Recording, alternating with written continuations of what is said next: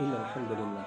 نحمده ونستعينه ونستغفره ونستهديه ونعوذ به من شرور أنفسنا ومن سيئات أعمالنا. من يهده الله تعالى فهو المهتد ومن يضلل فأولئك هم الخاسرون. وأشهد أن لا إله إلا الله وحده لا شريك له وأشهد أن محمدا عبده ونبيه ورسوله وصفيه من خلقه وخليله أدى الأمانة وبلغ الرسالة ونصح للأمة وكشف الله تبارك وتعالى به الغمة. وجاهد في الله حق جهاده حتى يتاه اليقين أما بعد فإن أصدق الكلام كلام الله تعالى وخير الهدي هدي محمد صلى الله عليه وسلم وشر الأمور محدثاتها وكل محدثة بدعة وكل بدعة ضلالة وكل ضلالة في النار ثم أما بعد Danas 14. džumada lula 1630. godine po hijđri došli smo do četvrtog hadisa u poglavlju svojstva molim svojstva 14, danas je 15. džumada što odgovara 10. maju 2009. došli smo do poglavlja jeli, ili počeli smo sa poglavljem svojstva poslanikovog sallallahu alejhi namaza, to je najopširnije poglavlje u jeli, kitabu As-Salah I došli smo do četvrtog hadisa u kome se kaže an ibn Abbasin radijallahu ta'ala anhuma kale, kale Rasulullah sallallahu alaihi wa sallame Umirtu en esčude ala seba'ati a'vum ala l'đebheti wa ešare bi jedihi ila enfihi wal jedejni wal rukbetejni wa atrafil kademejni Od ibn Abbasa radijallahu ta'ala anhuma prenosi se da je rekao rekao je poslanik sallallahu alaihi wasallam, naređeno mi je da činim seđdu na sedam kostiju. Na čelo pa je pokazao rukom na svoj nos. Na ruke, na koljena i na atrafil kademeni, misli se na prste jeli, misli se na prste, unutrašnje, ili unutrašnje dijelove ili prstiju, nožni. Ovo je hadis Ibn Abbasa u kome je pojašen, znači, način seđde. Kaže ovdje poslanik, sa osrme umirtu, en esčude, naređeno mi je, došlo je u pasivu. Ko je ovdje naredbodavac? Svrljete te barake od tada. Pa je ta naredba došla posredstvom Džibrila. Došla je posredstvom Džibrila. Ili je došla putem ilhama, što se zove u našem jeziku nadahnuće. Ili došla je putem snova, ili na drugi način, Allahu Teala ale na koji je način došla, u svakom slučaju ovdje je naređeno poslaniku sa oseleme, a naredba za sobom povlači šta? Obavezu. Povlači obavezu. I ovdje je došlo da je svaki od ovih dijelova tijela nazvan kost na sedam kostiju. Naređeno mi da činim ala sebati avum. Avum je kost. Pa je ovdje nazvan, nazvana cijelina jednim dijelom. Kao što se kaže kod nas, imaš li točak? Šta misle? Biciklo. Pa, zato što je taj dio jako bitan, pa njime se ukazuje na cijelinu. Kao kada kažemo, na primjer, el hađu arafa, hađi arefat. Pa jednim dijelom ukazujemo, arefatom ukazujemo šta na cijeli, kao da je cijeli hađ samo arefat. Nije, ali budući da je hađ jedan od najbitniji ili najbitniji rukn čega, da je da je arefat jedan e, ovaj e, glavni je rukn hađa, onda je ukazano tim dijelom na kompletnu na kompletnu cijelinu. Ali se ne ciljaju kosti, nego se cilja šta? Dio tijela. Cilja se dio. Ne može čovjek činiti jeli, direktno na kost. Sveđu. I došlo je u drugom hadisu da je rečeno ala sebati erabin na sedam dijelova tijela. Pa je ova rivajet pojasnio šta? Prethodni. El džebhe, to je čelo, a to je ono što dodiruje zemlju prilikom činjenja, znači seđde. Zašto ovo spominjao? Zato što ne ulaze slepo, slijepo ošnice gdje? U čelo. Jel u redu? Znači sa stranom, strane kada bi čovjek položio slijepu očicu na zemlju, ne bi mu bio šta? Ne bi mu sežda bila validna. nego znači mora biti taj prednji dio koji znači dolazi na zemlju. Zato se zove džephe, jeli? To je taj dio koji dodiruje, jeli? Zemlju. Pa je pokazao svojom rukom na nos. A rekao je jedno, a rukom pokazao šta? Drugo. Pa nam je time Rasulullah sallallahu alaihi sallam ukazao da se radi o jednoj šta? O jednoj cijelini. Tretira se znači kao jedna cijelina. Pa kad je pokazao, htio je da ne svate ljudi, znači da cijelim licem treba da čovjek stavi lice na zemlju, nego znači treba je samo dvije koste, odnosno dva dijela, to je čelo i nos da dotaknu tlo. I ovo ovdje pojačava mišljenje koje kaže da je seđda na nos vađib, odnosno da je spustanje nosa prilikom činjenja seđde vađib, znači da se mora. I došlo je u nekim hadisima, u nekim a, verzijama ovoga hadisa da se kaže el džebheti wal enfi ma'an sa čelom i nosem zajedno. Ha, pa je došlo znači pojašnjenje. Ima hadis kod imama Hakima i kaže za njega šeh Albani, a prije toga imam Hakim da je vjerodostojan, da je poslanik s.a.v. rekao, nema namaza onaj čiji nos ne dotakne seždu. Ha, nema namaza. I ovo je musibet kojim su danas iskušani mnogi klanjači. Klanjaju i ne dodiruju nikako nosem zemlju. To je problem. Vidio sam čovjeka prije par mjeseci. Nisam mogao vjerovati da tako nešto postoji na zemlji. Ali kada vidiš, onda su vidiš da svašta ima. Čovjek čini seždu sa ovim ovdje dijelom. Ovako. Znači, on kada spusti glavu na zemlju, ono ovdje spusti ovim, nikako nije čelom, ovim ovdje, i onda se još pomiri naprijed, tako da se skroz glava bude po 90 stepeni ovako ubudena i tako stoji cijelo vrijeme seđde. Molim? Pa vjerojatno da je ovaj izvježbo rastezljivije pa može činiti seždu znači sa tjemenom, znači sa vrhom glavi, što je pogrešno bez imalo sumnje, znači i takav namaz je ovaj upitan jer nije čovjek uradio sežde, a sežda je rukn čega? Jer kada bi čovjek spustio obraz na zemlju, nije učinio seđdu. nije učinio seđdu, nego treba spustiti čelo. Spoljašnje značenje hadisa ukazuje da činjenje sežde sa ovih sedam dijelova, šta? Bađib, je tako? Zato što je došlo u mirtu, naređeno mi. I imam Ahmed smatra da je znači, činjenje nosem seđde, jeli spustanje nosa na seždu, da je na zemlju, da je isto, da je vađib. I to je jedan stav kod šafijskih učenjaka i odobrali su ga neki ambelijski pravnici, odnosno malikijski.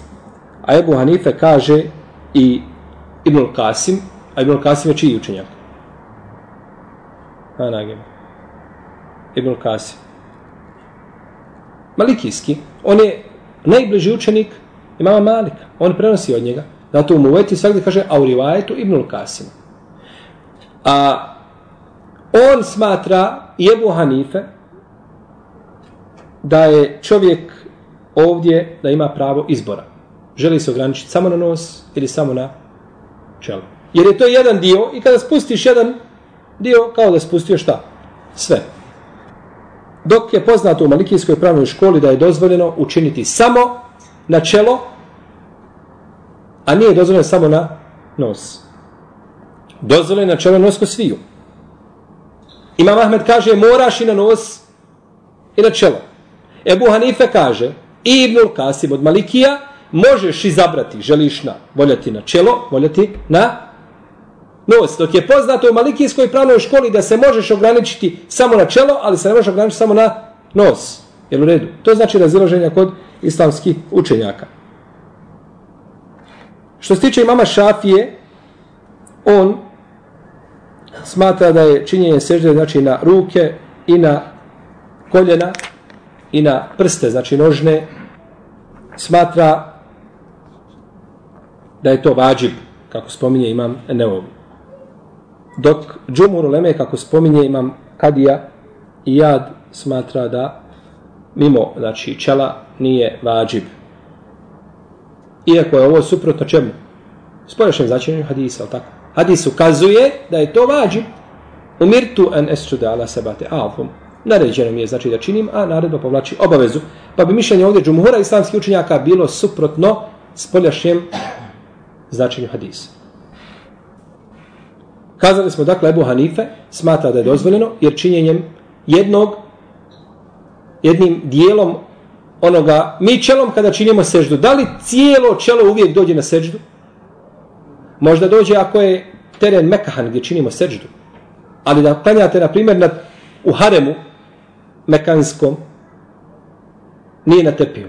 Evo klanjate znači na onome mramoru ispustite čelo na zemlju. Neće uvijek cijelo čelo šta dotaći nego jedan dio njegov kada potirete glavu kaže potiremo cijelu glavu jer zaista potire cijelu glavu svaka dlaka biva potrebna to je nemoguće ali je znači taj većinski dio ono malo što ostane znači ne tako i oni kažu jedan dio kada se spusti drugi dio slijedi, znači onaj ili ima isti propis, isti hukm kao da je on spušten na zemlju.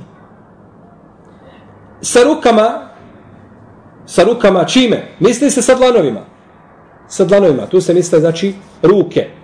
Tu se misle ruke. Faktau ejdijehum. Esariku eh, eh, vasarikatu faktau ejdijehuma.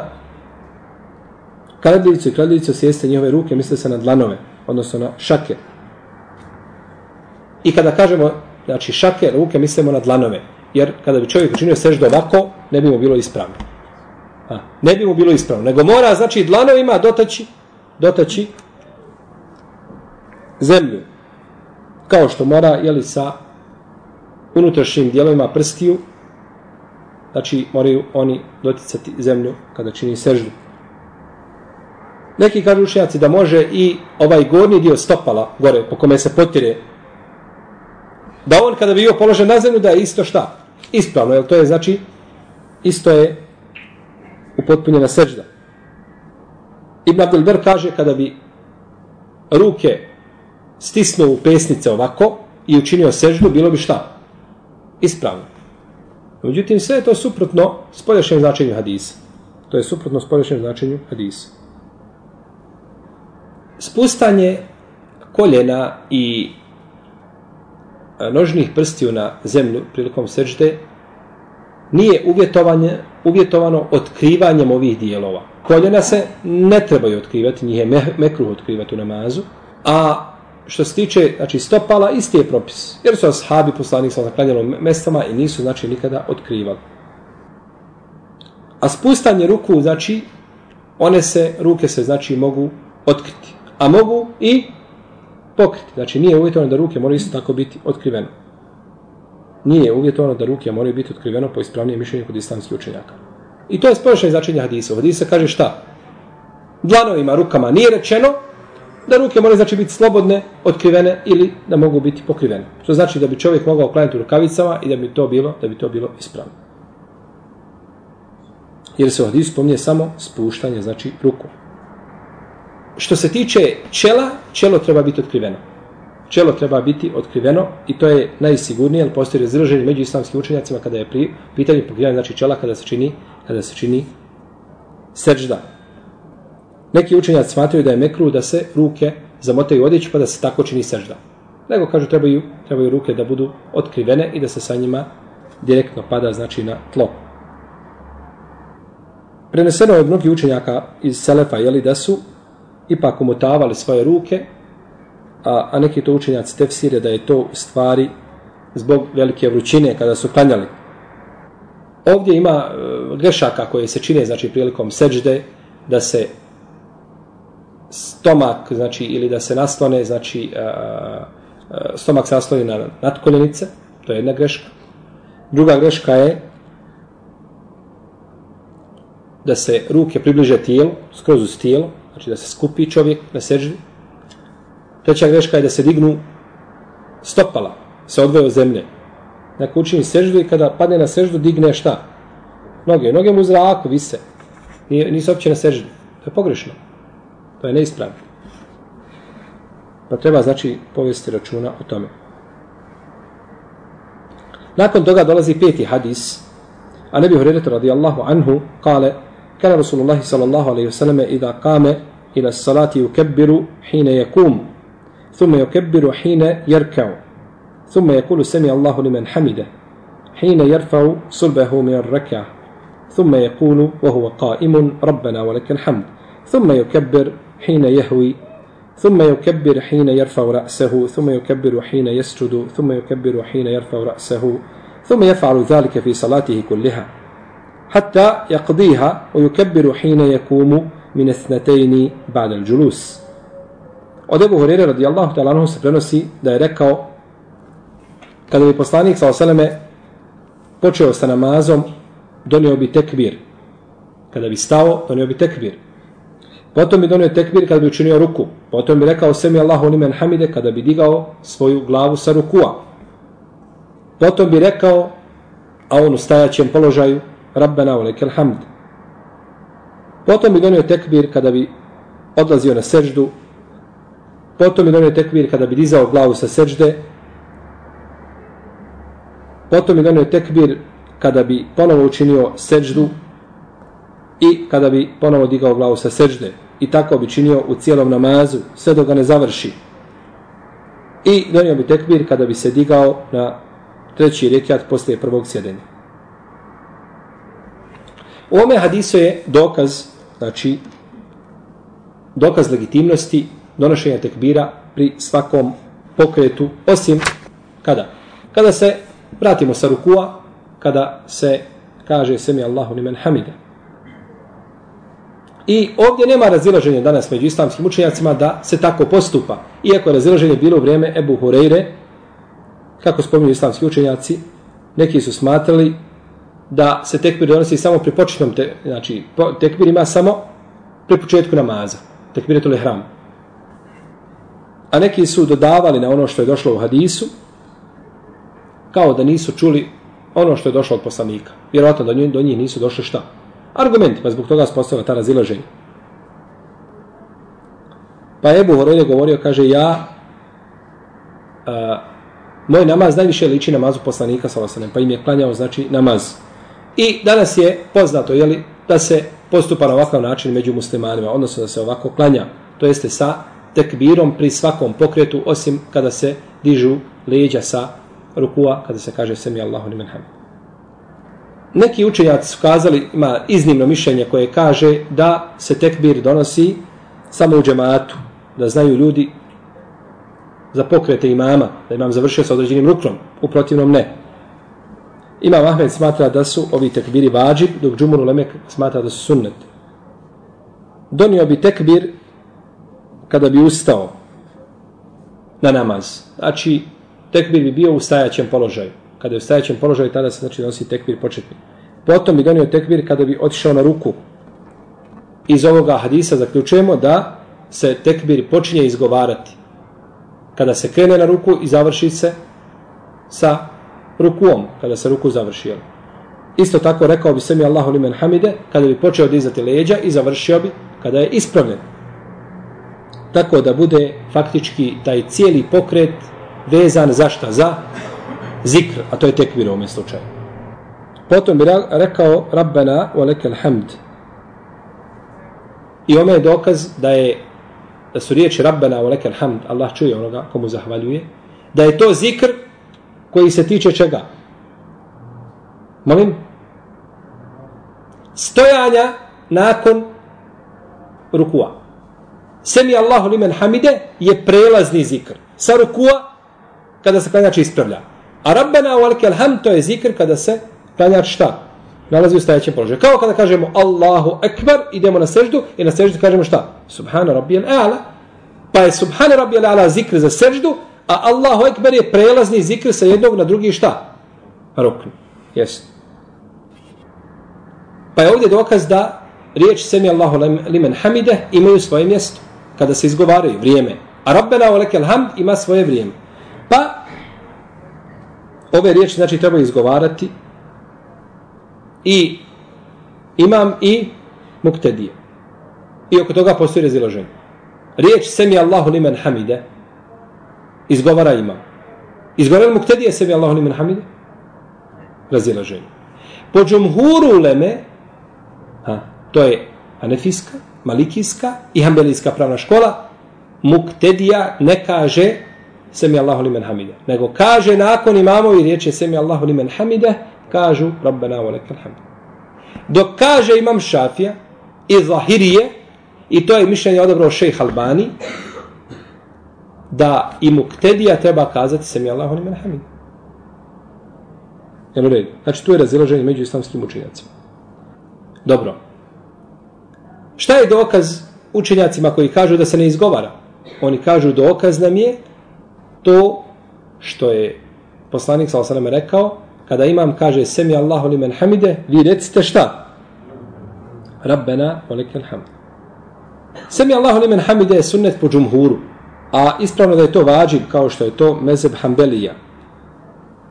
Čovjek koji zasebno klanja kazat će semi, uh, semi Allahu limen hamide, Rabbena olikel hamd. I po tome pitanju, navodi imam Tahavi, Ibn Abdelbar, navode konsensus imam Tahavi u svome dijelu Šerhoman al-Athar, a, a Ibn Abdel Ber u svome dijelu Al-Istizkar navode konsensus da čovjek koji klanja zasebno kaže šta? Semi Allahu li men hamide, Rabbena wa lekel hamd. Iako imam Ibn Kudame u svome dijelu Al-Mugni navodi blaga razilaženja po tome pitanju. Ali, ovi su ljudi živjeli prije njega pa spomenu konsensus prije ovaj, eh, uh, 200 ili 300 godina prije imama prije imama Ibn Kudame. Pa kažu učenjaci koji smatraju da se za imamom ne izgovara semi Allahu limen hamide, kažu rekao je poslanik sallallahu alejhi kada imam kaže semi Allahu limen hamide, vi recite šta? Rabbena wa lakal hamd. Ovi učenjaci koji kažu da se izgovara, oni uzmeju hadis kažu kaže imam i da se slijedi, pa se nemojte razilaziti od njega. Sve što imam uči, učiš i ti u namazu. Uči subhanak i učiš subhanak. Koji god tekbir donese, kad prelazi sa rukna na rukn i ti donosiš za njim, jel u redu? Kažu, zašto si ti ovdje? Onda kažu, u ovome slučaju muktedija nema čega. Nema zikra prilikom dizanja glave sa rukua. Jel u redu? Nema, nema zikra. Digneš glavom, kaže semi Allahu lemen hamide i ti digneš. I onda kažeš, kad se ispraviš, šta kažeš? Rabbena ulekel hamd. A Rabbena ulekel hamd, to je zikr kada se čovjek nalazi u stajaćem položaju nakon obavljenog rukua. Jel u redu? Jeste razumjeli? Znači, kažu, ostaje muktedija bez zikra. Pa dobro, šta je vaše onda tumačenje? Kažu, značenje hadisa je, kada imam kaže, semi Allahu limen hamide, vi recite, rabbena u alekel hamd, nakon što ste kazali za imamom, semi Allahu limen hamide. Pa to nije spomenuto, kažu, zato što se to čuje. I ti si to čuo od imama i ponovit ćeš. Ali rabbena u alekel hamd, šta? Ne čuješ. Pa je zato potencijalno na šta? Rabbena voleke alhamd. U protivnom moraš ponavljati ti za imamu. I druga stvar, šubhu koju oni ubacuju ovdje, ova ulema, znači e, Šafijska ibn Hazm, i to dobro kažemo šeha Albani, u svojom delu Sifetu Sala, branio je to mišljenje, kažu u redu, vi kažete, koristite hadisu kome se kaže, kada imam kaže, semi Allahu limen hamide, recite Rabbena olekel hamd. Dobro. Hoće li imam kazati Rabbena olekel hamd? Hoće li neće? Hoće. A gdje ti dokaz da će imam to kazati? U se kaže, kada imam kaže Semi Allahu limen hamide, vi recite Rabbena olekel hamd. Oni kažu, ako vi razumijete iz hadisa da muktedija ne izgovara Semi Allahu limen hamide, morate iz hadisa razumjeti da imam ne kaže šta? Rabbena olekel hamd. Je tako? Obavezujete hadis. Što si razumio kada je u pitanju ko? Muktedija jedno, a kada je u pitanju imam drugo. Što praviš razliku? Pa je teško odgovoriti na ušubu. Znači, teško odgovoriti. U svakom slučaju, pitanje je, znači, a, prirode i štihada. Ulema se razilazi, a ja sam ovaj duže vremena ovo pitanje gledao i gledao argumente u Leme koja je govorila i vjerujte da ne znam šta je jače mišljenje. Allahu te ala šta je jače mišljenje. U svakom slučaju jedno i drugo mišljenje imaju svoju težinu i mjesto, a Allah najbolje zna. I oni još kažu, ovi učenjaci kažu, poslanik je sallallahu sallam rekao, klanjajte onako kako ste vidjeli mene da klanjam. I nema nikakve razlike da se to donosi, znači ja sam donosio taj zikr, znači i na ruku, i kada sam se vratio, je zikr na ruku koji je svakako je potvrđen, kada sam se dizao, rekao sam mi Allahu limen hamide, nakon toga kazao Rabbena wa lakal hamd, vi klanjajte onako kao što ste vidjeli mene da klanjam. Kažu, nema ništa što izdvaja ovdje muktediju jedino što je došao ovaj hadis da ukaže na ono što trebaš kazati što ne čuješ iza imama. Je u redu? Pa je na to došlo da se potencira ništa drugo. Jer ti čuješ svaki tekbir, čuješ li? Čuješ. I, ovaj, čuješ selam, to tako, čuješ. No međutim, ne čuješ šta? Rabbena olekel hamd, pa je tu došlo da se ukaže na ono što ne čuješ, samo. Pa je pitanje, znači, pitanje štihada, Allah te Allah.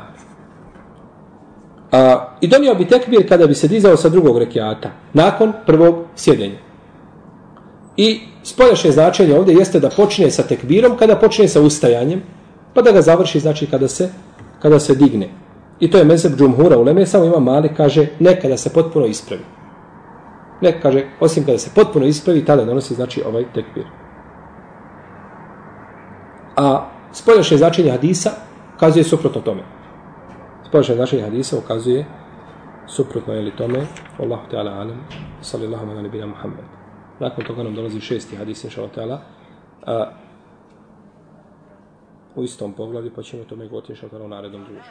Allah, sallallahu ala